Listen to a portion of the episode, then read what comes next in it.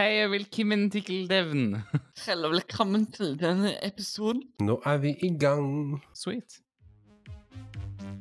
Sweet dreams are made of these. I travel the world. Ja, har vi lagt inn alt i eh, shownotes som vi skal snakke om? Vet det. Nå er vi midt i sangen. Nå driver EQ-en min og kødder seg til. Hva for noe nå for noe? Nei, jeg driver og tuller med EQ-en min. EQ, altså equalizer eh, ting-tang i Voice Meter Banana. Og så driver den og resetter seg. Det er litt irriterende. Det er Voice Meter Banana. Nei, altså, Voice Meter har flere forskjellige utgaver. De har vanlig Voice Meter, altså banana, altså potato. Det er mening. Ja, altså, de har forskjellige innstillinger og blatt i blatt, og så er det noen på YouTube som sier at du skal bruke X, og noen skal bruke Y, og så Ja. Woo!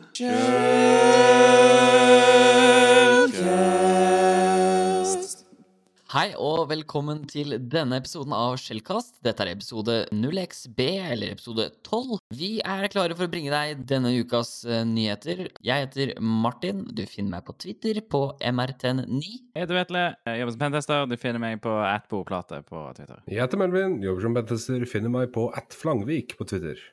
Men ja, nei, eh, vi kan starte med litt eh, follow-up da, fra forrige episode. Vi snakka om eh, Eva og sånt, men vi nevnte ikke at det har, det har jo selvfølgelig vært eh, code review og pentest eh, av, eh, av Eva. da. Det elektronisk valgadministrering, er det det det står for? Administrasjonssystem, ja. Det stemmer. Administrasjonssystem. Ja. Eh, ja, nei, det var det Nelson eh, som, som gjorde oss obs på, som driver kryptisk cybersikkerhet, som et nyhetsbrev som han leverer, leverer til din eh, postboks, eh, e-postboks hver eh, søndag. Så eh, jeg, jeg anbefaler folk, så hvis dere har lyst til å følge med på litt nyheter og se hvordan, ja, ifra fra Nelson sitt perspektiv, skulle jeg si, der han skriver litt uh, sammendrag og sånne ting, så gå til kryptisk.substack.com. Vi legger jo det selvfølgelig i shownotes. Det anbefales. Pleier alltid å lese mellom de for liksom Hvis det er noe man har missa i løpet av uka, eller Mm. har tenkt at ah, det må jeg huske å lese, og så, og så glemmer man det. Men da har Nelson enten skrevet et lite sammendrag, eller så har han ja, i hvert fall lenket til det, sånn at man kan lese det i den nye uka som kommer. Det er det vi har av follow-up. Hvis det er noen som eh, vil si at vi tar feil og korrigere oss, eh, så det er absolutt 100% lov. Send en e-post til podcast etter 5h3ll.so, så svarer vi på podkasten, tenker jeg. Ja, absolutt. Eller på Twitter på 5H3LLcast. Eh, du kan også, hvis du kjenner til noen av oss, sende oss en DM på valgfri liksom, Messenger-plattform. Så, så svarer vi sikkert der, og så tar vi det med oss videre. Skal vi bare dundre i gang med ukas nyheter, da, dere? Ja. Kult. Dette er en sak der eh, amerikanske myndigheter har brukt typ denne Prism-tilgangen de har hatt til en del tekstselskaper og, og ISP-er og sånt rundt i verden, I guess, til å se hva slags fly vi har tenkt å kjøpe, altså Norge har tenkt å kjøpe til Forsvaret. Men kanskje ikke så mye om fly, så eh, jeg har ikke tenkt å bruke noen navn på noen av flyene, for jeg kan ingen av dem, og jeg skjønner ikke hva de betyr heller. Har ikke vi akkurat kjøpt masse fly fra de, ja, ikke sant? Derfor de lurer på om vi kjøper fly fra andre enn dem, da, naturligvis. De har jo lyst til å få best mulig betalt, så de bruker de midlene de har til å, ja, til å få best betalt. Hvor mange andre selger fly, lurer jeg på. Det kan vel ikke være så utrolig mange andre land i verden som produserer og uh, selger kampfly eh, internasjonalt? Kina, Russland Sverige har eh, altså, sånne Saab, eller det som var Saab, Jazz eh, Gripen. Uh, og så har du Eurofighter, som er sånn EU-prosjekt. Og så har du da F-35, som er sånn Lockheed Martin, eh, amerikansk prosjekt. Ja, så, så er det vel eh, Russland har vi sitt eget. Eh, Kina på om produserer sitt eget. Så det er mye, mye jagerfly som blir produsert eh, rundt om i, i verden. Det, det var vel kanskje det det dreide seg litt om, så vidt jeg kan eh, fatte fra denne greia her. At det er litt sånn hva man Det er selvfølgelig interessant for, for amerikanerne å vite om Altså, det er snakk om mye penger her, da. Så når Norge velger å kjøpe amerikanske jagerfly, så, så kan jo det ha mye å si for amerikanske bedrifter og økonomi og sånt. Så det spørs kanskje om det er derfor. Ja, se her. eh, NSA brukte Ja, ifølge kilden fra Danmark, da, så har NSA brukt eh, X-keyscore for å spionere på spesifikke mål i Danmark og Danmarks naboland. Og eh, de har gjort søk i X-keyscore på, eh, på disse På ting som, som handler om om uh, dette kjøpet av fly da, som Norge blant annet skulle gjøre. Det er noen som kommer til å hate meg for at jeg bare kaller det fly, og ikke kaller det jagerfly, eller hva enn det er. Kampfly. Den skal jeg backe deg. Fly. Fly er fly. Ja, takk. Men jeg må spørre, hva er dette X-keyscore? Jeg har ikke hørt om før. Eh, Er ikke det det der Snowden uh, sa ifra om uh, spesifikt? Jo. Det er vel søk i, i liksom Søk analyse av internettdata, eller historikk, som de plukker opp eh, via, via ulike kilder. Det er NSA sitt uh, OSINT-verktøy, da. Eller det er NSA sitt Google, på en måte, i, i, i liksom dataene de samler inn. Ja, for det var det som het Prism når Snowden lika, og som nå heter Jeg tror det er to forskjellige ting. Jeg tror Prism er innad i USA, der de får info fra, fra amerikanske selskaper som de har partnerskap med. Stemmer. X-keyscore er nok internasjonalt. Du, du kan vel, jeg vil vel tro at de bruker X-keyscore til å søke i Prism-dataene, liksom, hvis det gir mening. Det er det jeg mening. For Prism er jo dette overvåkningsprogrammet. altså Det er at de overvåker, mens X-keyscore er et spesifikt verktøy de bruker for å søke i dataen, eller system de bruker, hvis det gir mening.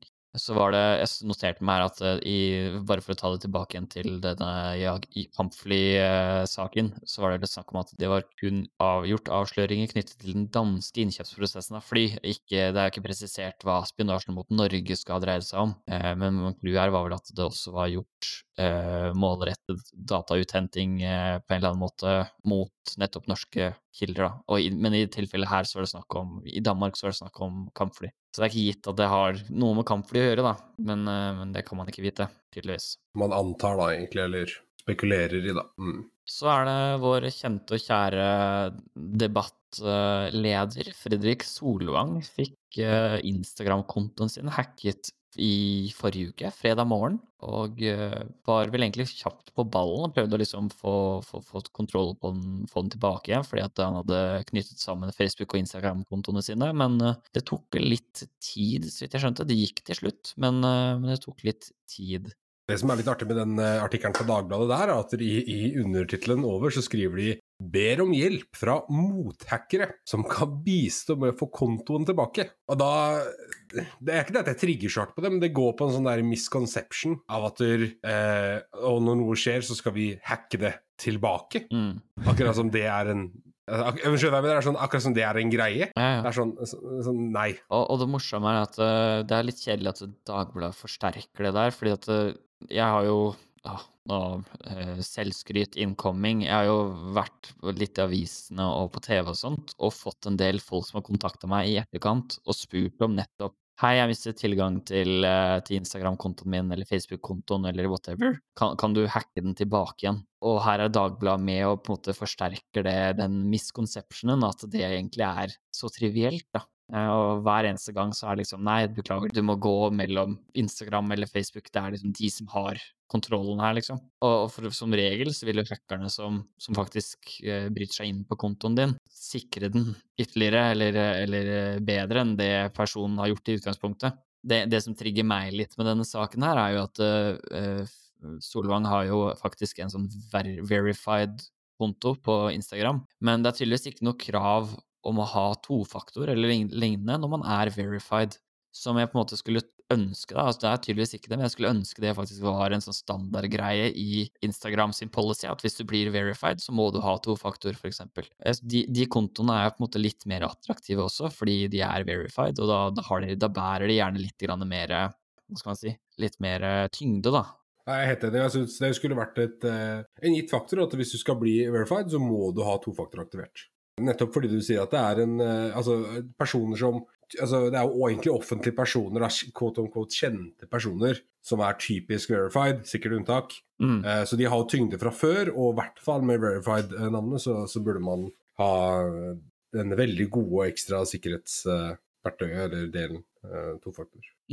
Altså det, men så vidt jeg har skjønt, så har han jo fått kontoen sin tilbake igjen. Litt stressende selvfølgelig for hans del, og det er jo verdt å ta med seg at folk tenker på hva er min prosess hvis en av mine kontoer blir hacket? Har jeg tilstrekkelig sikret uh, broer mellom de? Bruker jeg unikt passord mellom hver? Altså, det er jo relativt åpenbart for, for, for oss, men det er jo verdt å, å ha, ha, et, ha som et lite tankekors, og også huske på de man, eh, de man står nær, da. Samboer, eh, venner, at de også er klar over at Det er fort, det er fort å gå fra liksom, Instagram til Facebook, eller til e-post, eller til andre tjenester hvis man gjenbruker passord. Det er åpenbart for oss, men det er tydeligvis ikke åpenbart for uh, selv profilerte TV-ansikt. TV det er kanskje litt off topic, da, men ja, det er spesielt eh, personer rundt meg som jeg, som, spurt, som, som jeg vet har eh, dårlig passord og ikke har tofaktor og egentlig ikke bryr seg. altså liksom, Hvorfor gjør du ikke dette? Hvorfor, hvorfor, bryr du deg ikke? Nei, det er ikke så farlig om Facebooken min blir hacka eller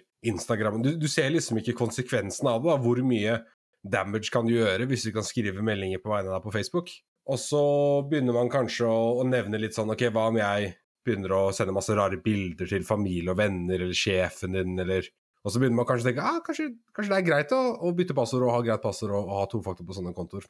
Altså, det høres teit ut, men du kan skade omdømmet til en person.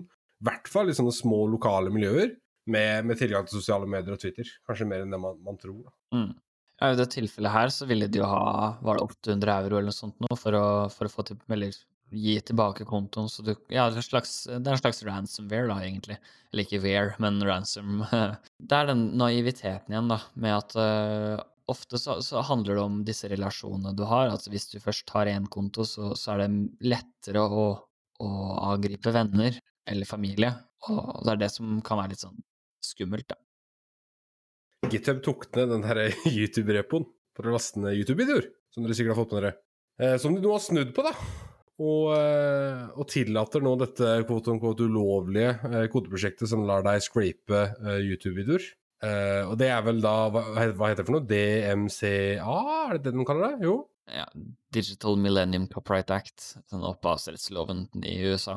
Stemmer. Stemmer. Og det var da YouTube DL, som sikkert mange har brukt for å for å ja, laste ned, ned YouTube-videoer. Ligger jo åpent tilgjengelig på GitHub og eh, ble tatt ned. Eh, det ble sendt en, eh, sendt en sånn takedown request fra RIA, denne velkjente Recording Industry Association of America. Det er de som hater folk som lager kopier av, av musikken sin og ja, deler den fritt tilgjengelig på internett og sånn, og representerer, uh, representerer, platebransjen. Det mest buzzkill innenfor musikk, med andre ord. Ja, mm. nemlig. Skal vi ikke gå veldig politisk her, kanskje, men, uh, men de, de, har vært ute, ute på, på, krigstiden før, og det virker ikke som de har noen interesse av å stoppe. Men de fikk nå tatt ned dette repoet, fordi det viste seg at det var vel noen, så vidt jeg husker, noen, noen tester i koden som gikk på det de mente var sånn um, DRM avoidance, som da går inn under DMCA, at du ikke har lov til å gjøre det. Altså skrive, skrive kode som, som omgår uh, ja, DRM. Men sånn som det, Grunnen til at det her var et overstep, er jo fordi for det første Det å initiate takedown på kode i seg selv er jo liksom eh, Hva er det du gjør?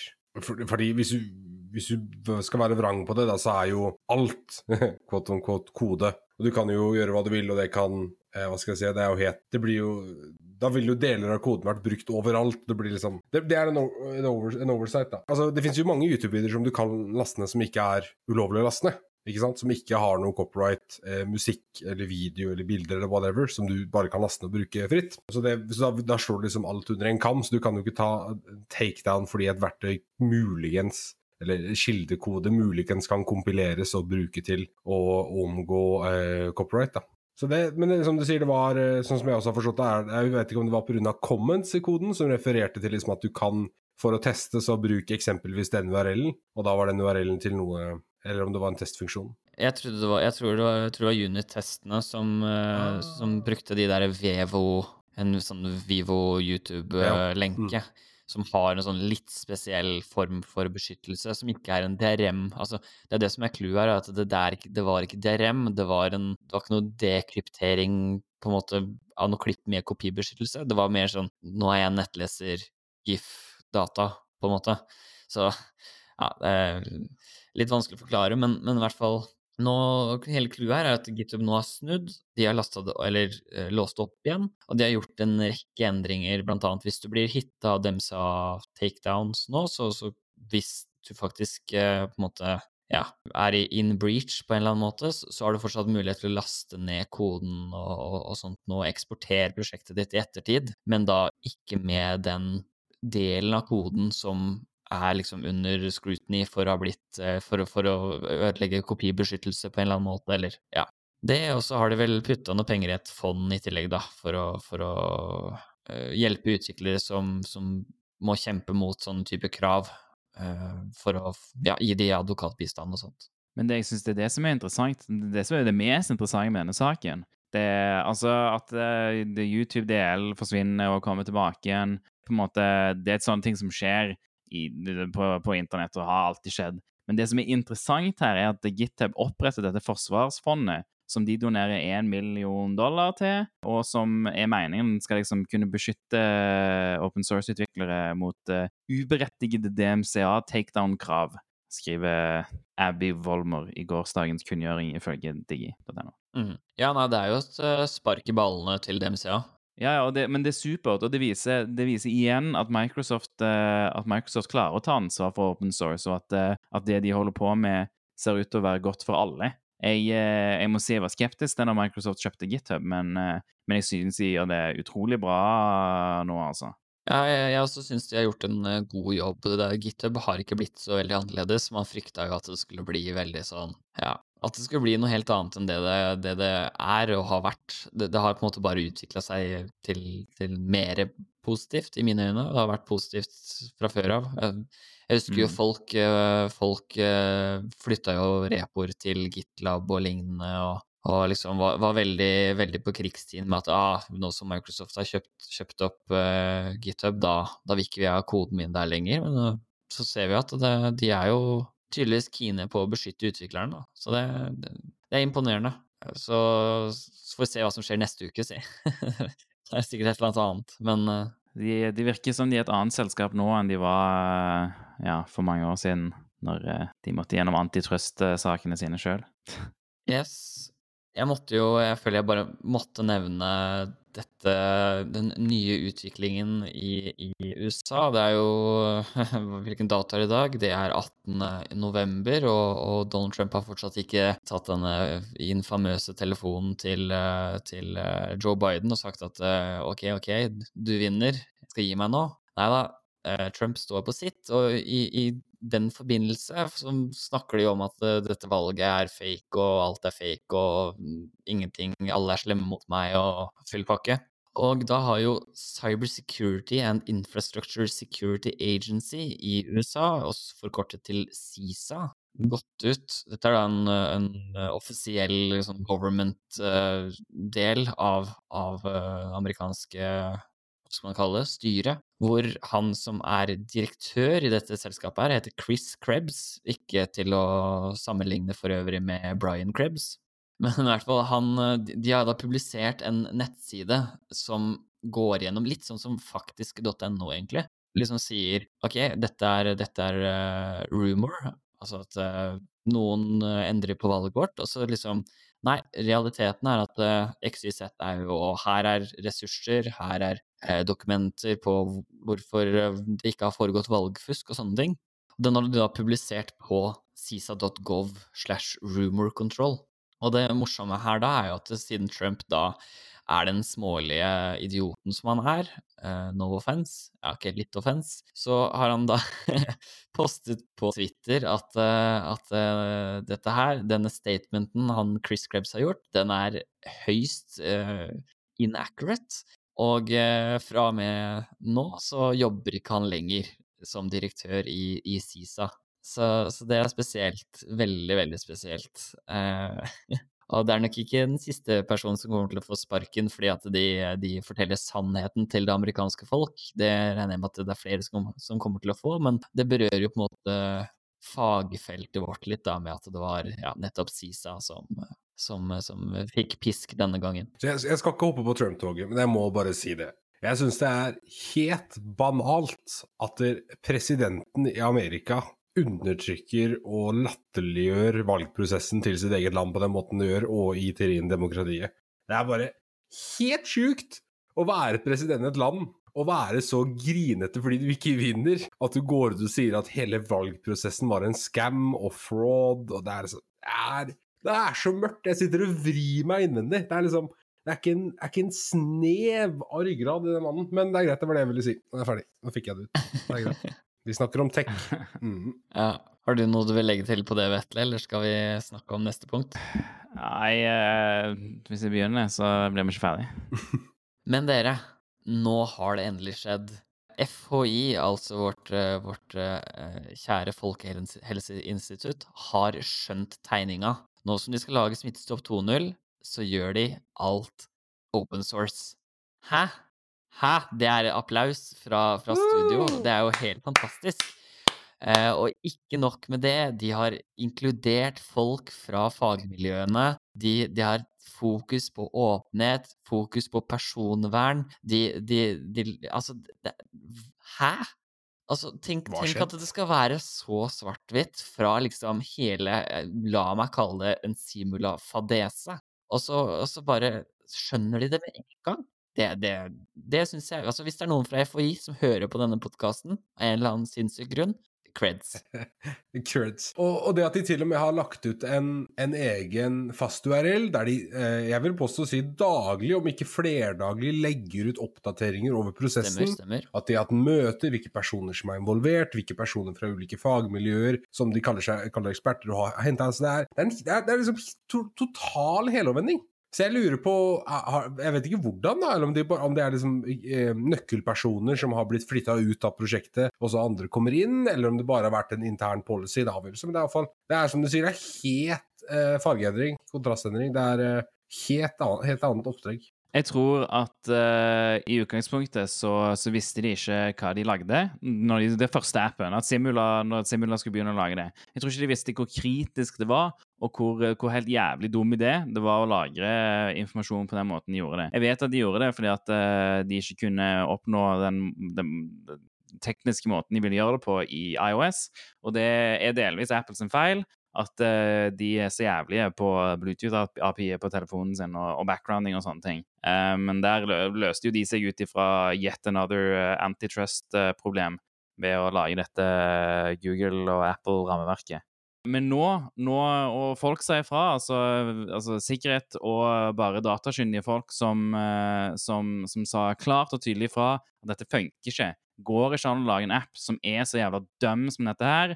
Eh, og, og de kom ut i avisene, og, og folk fikk med seg at det var det på en måte hele IT-industrien sa, da, at, eh, at dette er ikke bra. Og folk brukte ikke appen. Det var altfor få som brukte appen, og de fikk liksom ikke, de fikk ikke det, det de ville ut av den. Så, så jeg mener her at, eh, at alle som har, som har vært ute og kritisert, og som har, vært, eh, som har sagt klart og tydelig nei til den appen, eh, der fikk vi gjennom alt det, og, og, og nå gjorde de det ordentlig. Nå, nå, skjønte de, nå skjønner de hva de sitter på, hva, hvor, hvor kritisk dette er, og, og, og gjør det ordentlig. De kødder Mm. ikke liksom rundt. De, nå skjønner de liksom alvoret med og, og alt dette her da, med den appen. Og det er også kult, fordi at eh, nå er jo alt åpent på GitHub, bare så holdt det, det er litt morsomt. Vi har akkurat snakka om GitHub. På Folkehelseinstituttet sin egen, eh, egen eh, GitHub-profil, hvor du da du, du kan se dokumentasjon, kode. De bruker Samarin for å, for å gjøre liksom Skrive samme kode på både Android og, og iOS. Og koden ser eh, bra ut. Og så er det en annen ting jeg har lyst til å nevne. Eh, I kode 24 så var det den da tittelen 'Smittestoppkritiker' i versjon 2 blir trygg å bruke. Og det er da eh, Johannes, Brod, Brod, uh, unnskyld, Johannes, Johannes Brodwall, som er så mye som sjefsutvikler i Soprasteria, faktisk.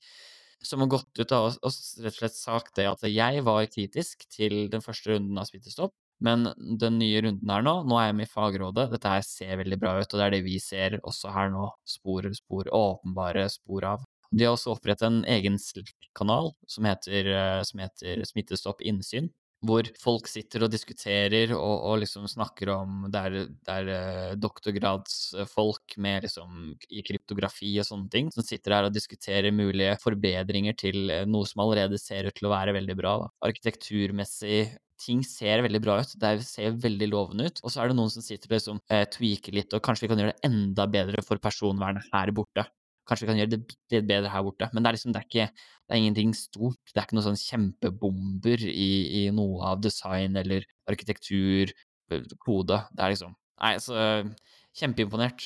Det, det var det her de skulle gjort i første runde, men klart, da fantes ikke GAN, da, eller Google Apple Exposure Notification-systemet. Som igjen er en stor greie at de har tatt bruk av, da, og ikke prøvd å kjøre noe eget. ikke sant? De har tatt hintet der. Og det som er, En ting er jo dette med GitHub-repository, at det er åpent, at du kan gå inn og lese kildekoden selv om du har lyst, men det gir jo også muligheten for IT-kyndige og interesserte der ute til å bidra. Ikke sant? Finner du noe som ikke stemmer, finner du en forbedring, så, så bidra. Og det gjør det så utrolig mye lettere for de håndplukka selskapene bak applikasjonen, som har f.eks. ansvar å teste det her, at resten av IT-kyndige, eh, om du ikke er det eller er det, eh, kan være med og også bidra og bekrefte og se på det. Da. Og det skaper liksom denne ja, hva skal jeg si? Ja, det, det, det, samler liksom eh, kompetanse indirekte, og, og en, en, er liksom at det blir mye bedre. Da. Så det er, det er kjempebra. Jeg skjønner ikke Jeg skulle likt å vært flue på veggen og bare vært med på denne helomvendingen, for det er jo helt rått. Helt rått, altså. Så jeg får håpe vår, eh, vår uh, flittig nevnte Twitter-evangelist er fornøyd med utfallet av det her. Jeg snakker da selvfølgelig om Halvard Nygaard. Nygaard. Jeg trodde du hadde glemt navnet. Vi pleier alltid å glemme navnet hans. Ja, men Jeg glemte navnet, så jeg er egentlig veldig fornøyd med at du sa det. jeg glemmer alltid navnet! Og det er nesten når må faktisk lære meg det. Ja. Men sånn er det i hvert fall. Men fra, fra GitHub til uh, smittestopp på GitHub til, til da covid-19 Fordi Digi har skrevet et par artikler nå om uh, eller, ja, at Microsoft har oppdaget angrep fra Nord-Korea og Russland mot disse selskapene som jobber med covid-19-vaksiner. Det er klart, uh, jeg er ikke sjokkert, jeg vet ikke om dere er det, at det kommer til å skje. Jeg er litt sjokkert.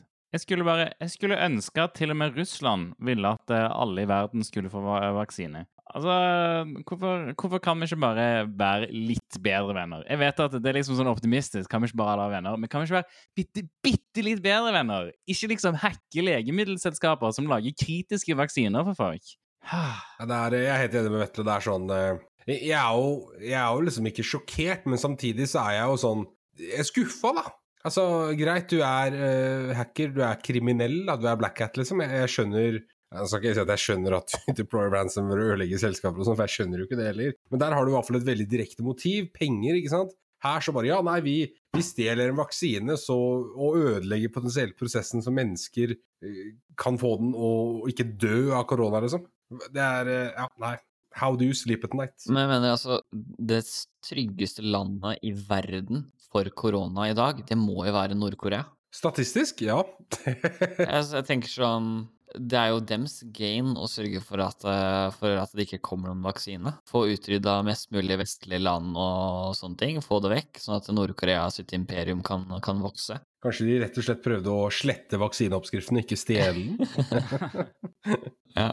Nord Preserver Route. Nei, altså Det skal sies da selvfølgelig så er jo da Russland, eh, som var noe sånt som vise, viseutenriksminister fra Russland, mener at det da er politisk mote å si at uh, Russland står bak slike angrep, da, at det har blitt en greie. og De står der liksom bare Vi har ikke gjort noen ting.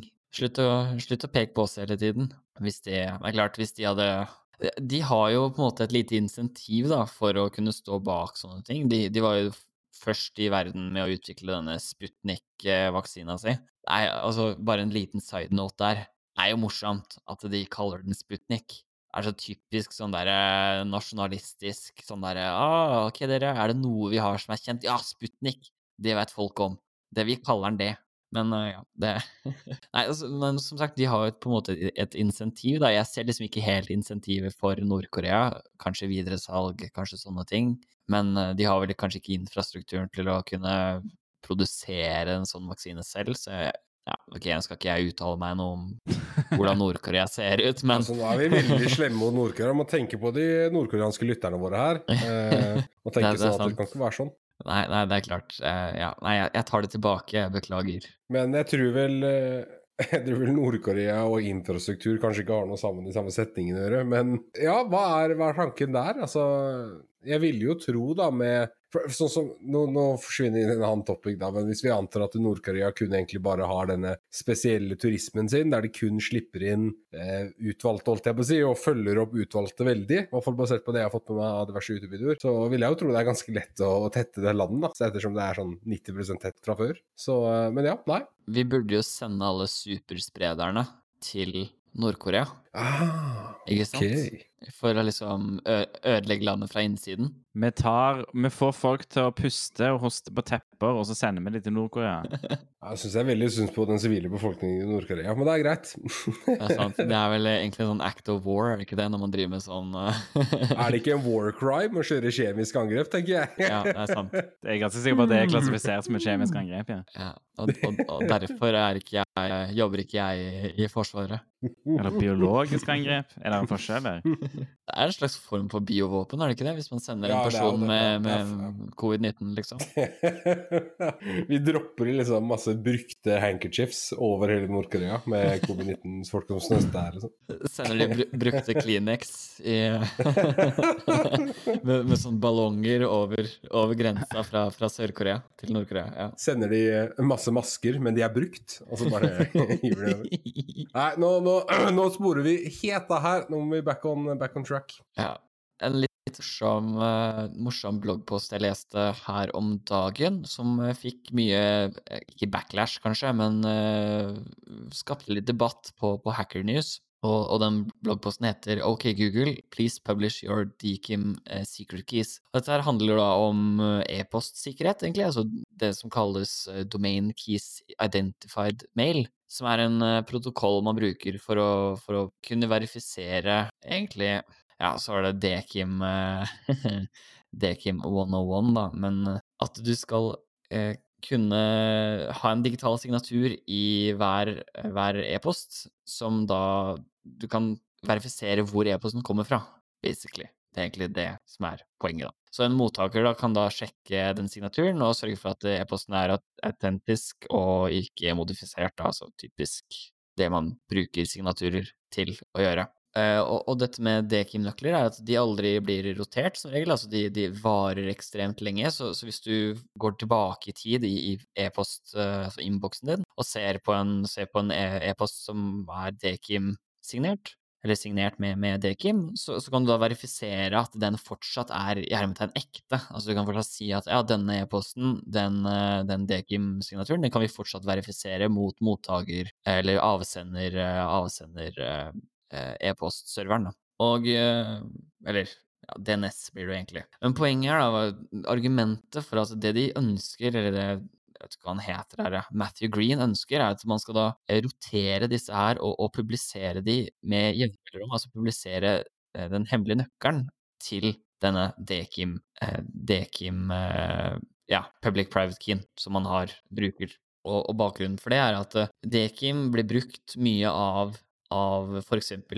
Wikileaks eller, eh, eller eh, journalister som ønsker å sjekke eh, dumper av e-post som kanskje en hacker har kommet over eller fått tilgang til, om de er ekte eller ikke. Og, og Wikileaks har gjort det her eh, historisk, og, og liksom sjekka med brukt Dekim for å verifisere at eh, dumper av e-poster faktisk kommer fra det, den e-postserveren, og at den faktisk er valid. Og dette mener da Matthew. Green at er et uh, problem, fordi at uh, det er ikke det Dekim skal brukes til. Den skal egentlig brukes til å verifisere når du mottar, og så ikke noe mer.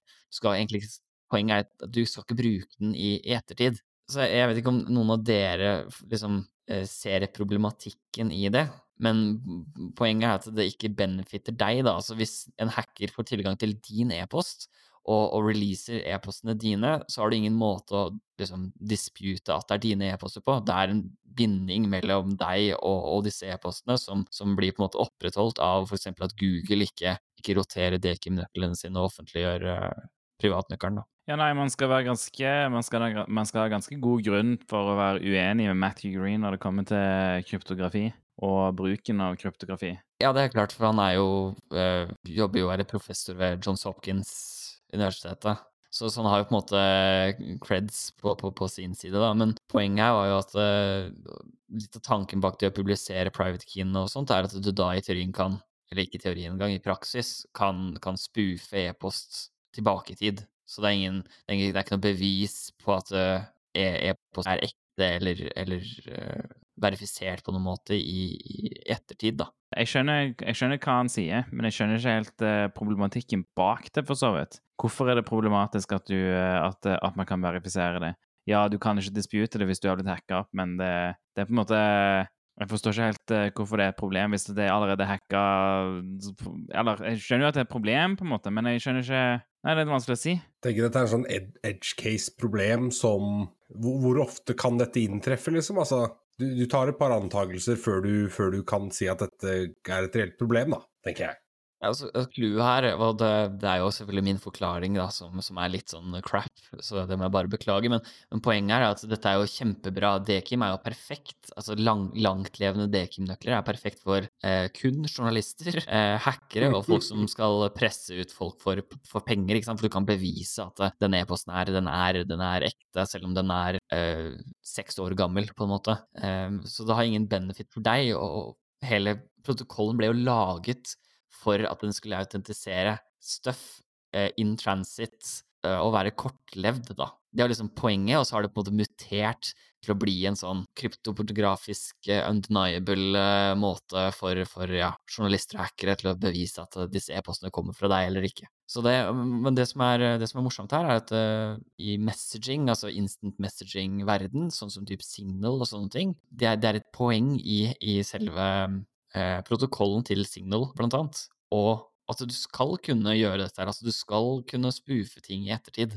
Så det er jo derfor du, når du setter opp Signal på, på PC-en din, blant annet, eh, eller du har brukt den på mobilen, og så setter du den opp på en ny mobil, eller setter den opp på PC, så får du ikke med deg historikken eh, inn i Signal, hvis det gir mening. Jeg vet ikke om dere har opplevd det, mm. men, uh, men det, det, er fordi at uh, i Signal-protokollen så, så, kan du spoofe ting tilbake i tid.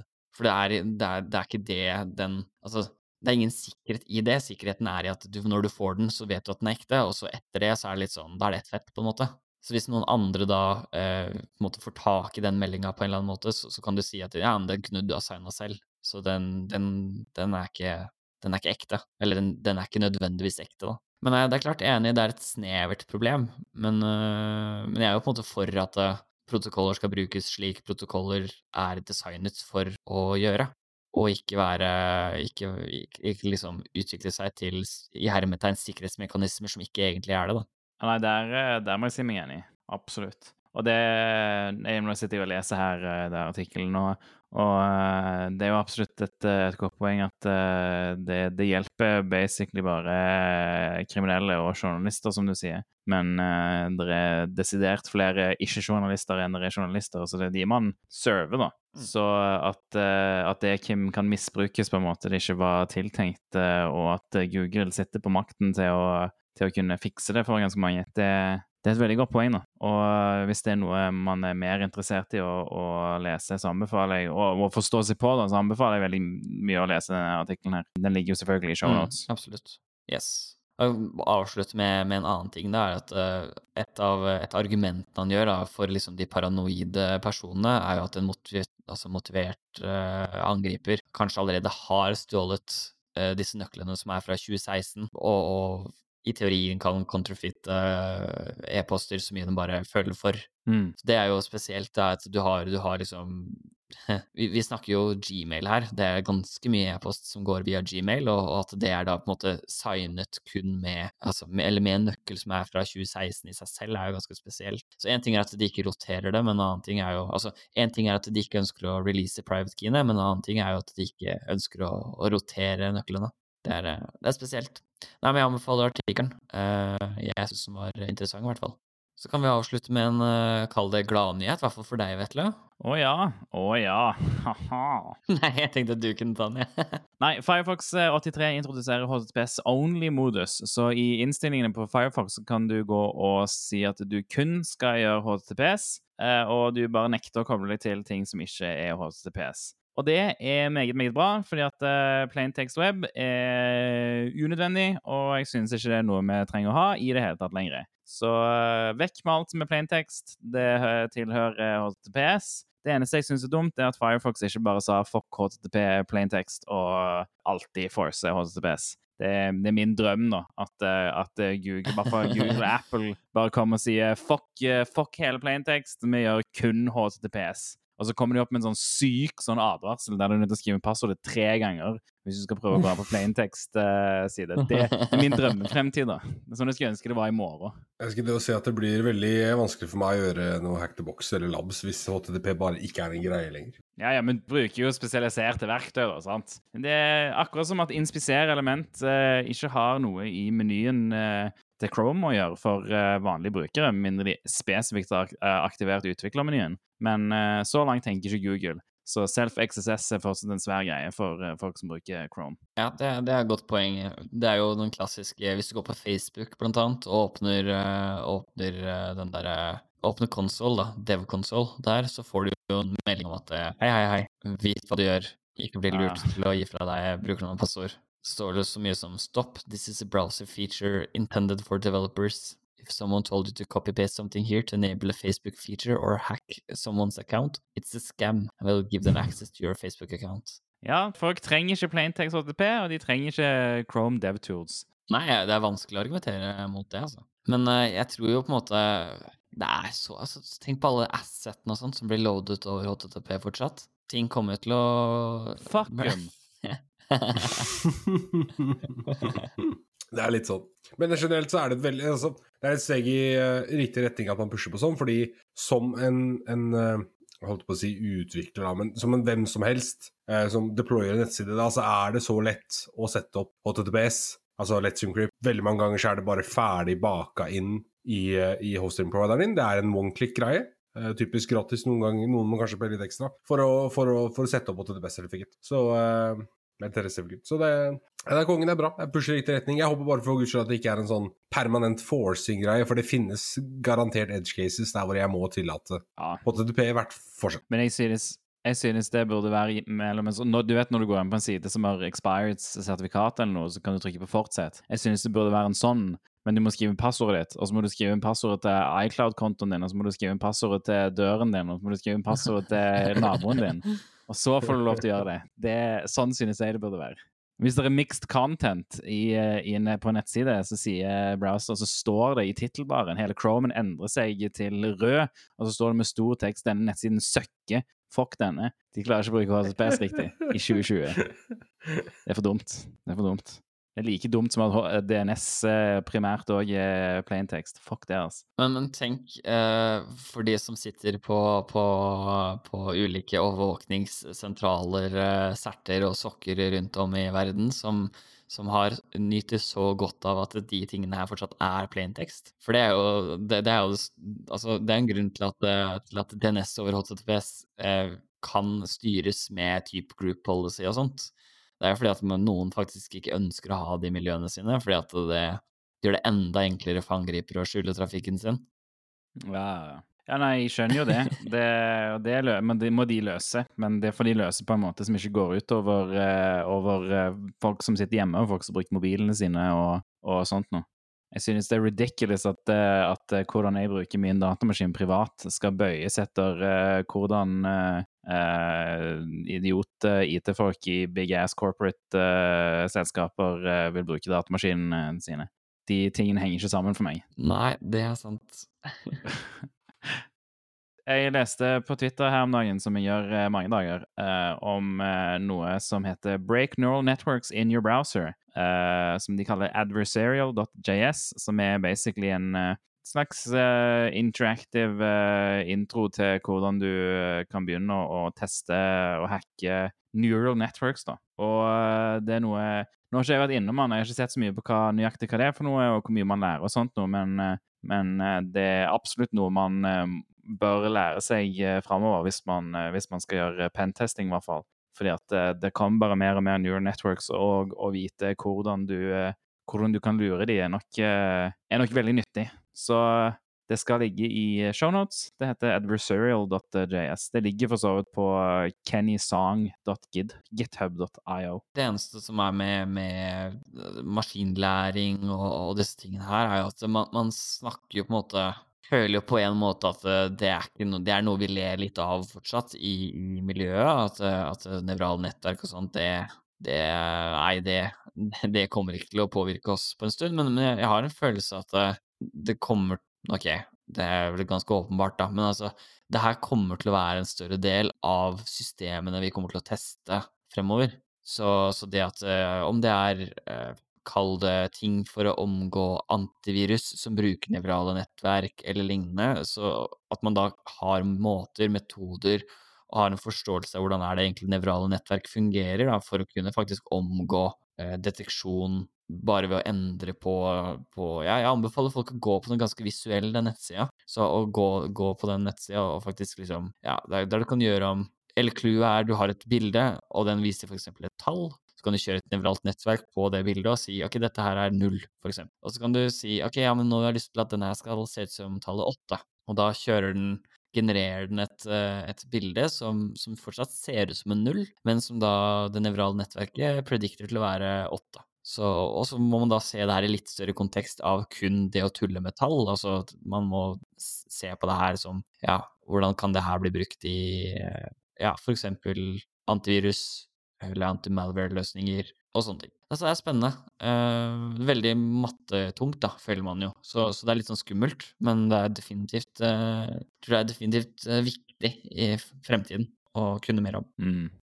Ja, man kan synes hva man vil om bruken av det, og være uenig i at det, det er så nyttig som det, men folk bruker det, og da må man bare tilpasse seg. Det er jo som blokkjede, ikke sant. Der folk bruker jo faktisk Ethereum contracts og sånne ting. Så, så det, er jo, det er jo legitimt. Så, så vi som sikkerhetstestere, så, så, hjelper det jo ikke hva vi sier, hvis folk faktisk bruker det. Nei, ikke sant. Det, det er vår plikt og vår jobb å sørge for at vi har kunnskap og kan gi gode råd rundt selv, selv de tingene som man kanskje fnyser litt av. Da. Mm. Det var det vi rakk for denne gang. Tusen takk for at dere hørte på. Vi er tilbake neste uke med en ny episode av Skjellkast. Tusen takk. Har du bidrag, spørsmål eller kunne tenke deg å være gjest i podkasten vår, send en e-post til podcast at shell.sh. Da er det Shell skrevet som 5h3ll.sh. Vi bare har ikke noe aftershow. Uh, nei. Vi kan sikkert klippe noe før, da, kanskje? Ja, OK, Elisabeth fikser det bare. Magic! Magic. Lol. Følg oss på Twitter, Shellcast. Send oss e-post, podcast at 503ll.sh. Uh, send oss uh, telegram på beep, beep, beep, beep, beep, beep, beep, beep. Boop, boop. Sett, sett, sett en rut, sånn der gammel, gammel modem-lyder. Sånn.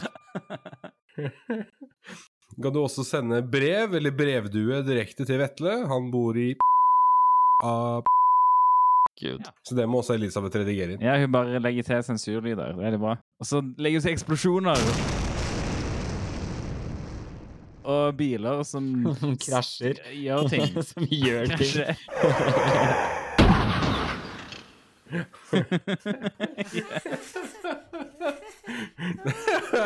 Dette er liksom Shellcast etter to øl. Liksom, Elisabeth må legge til alt. Vi vil ha eget soundboard, Elisabeth, med kule lyder. Level up. Jeg vil at du skal sminke meg som The Witcher. Jeg vil at du skal sminke meg som The Witcher. Wow. Han er så sexy. Jeg er jo så sexy.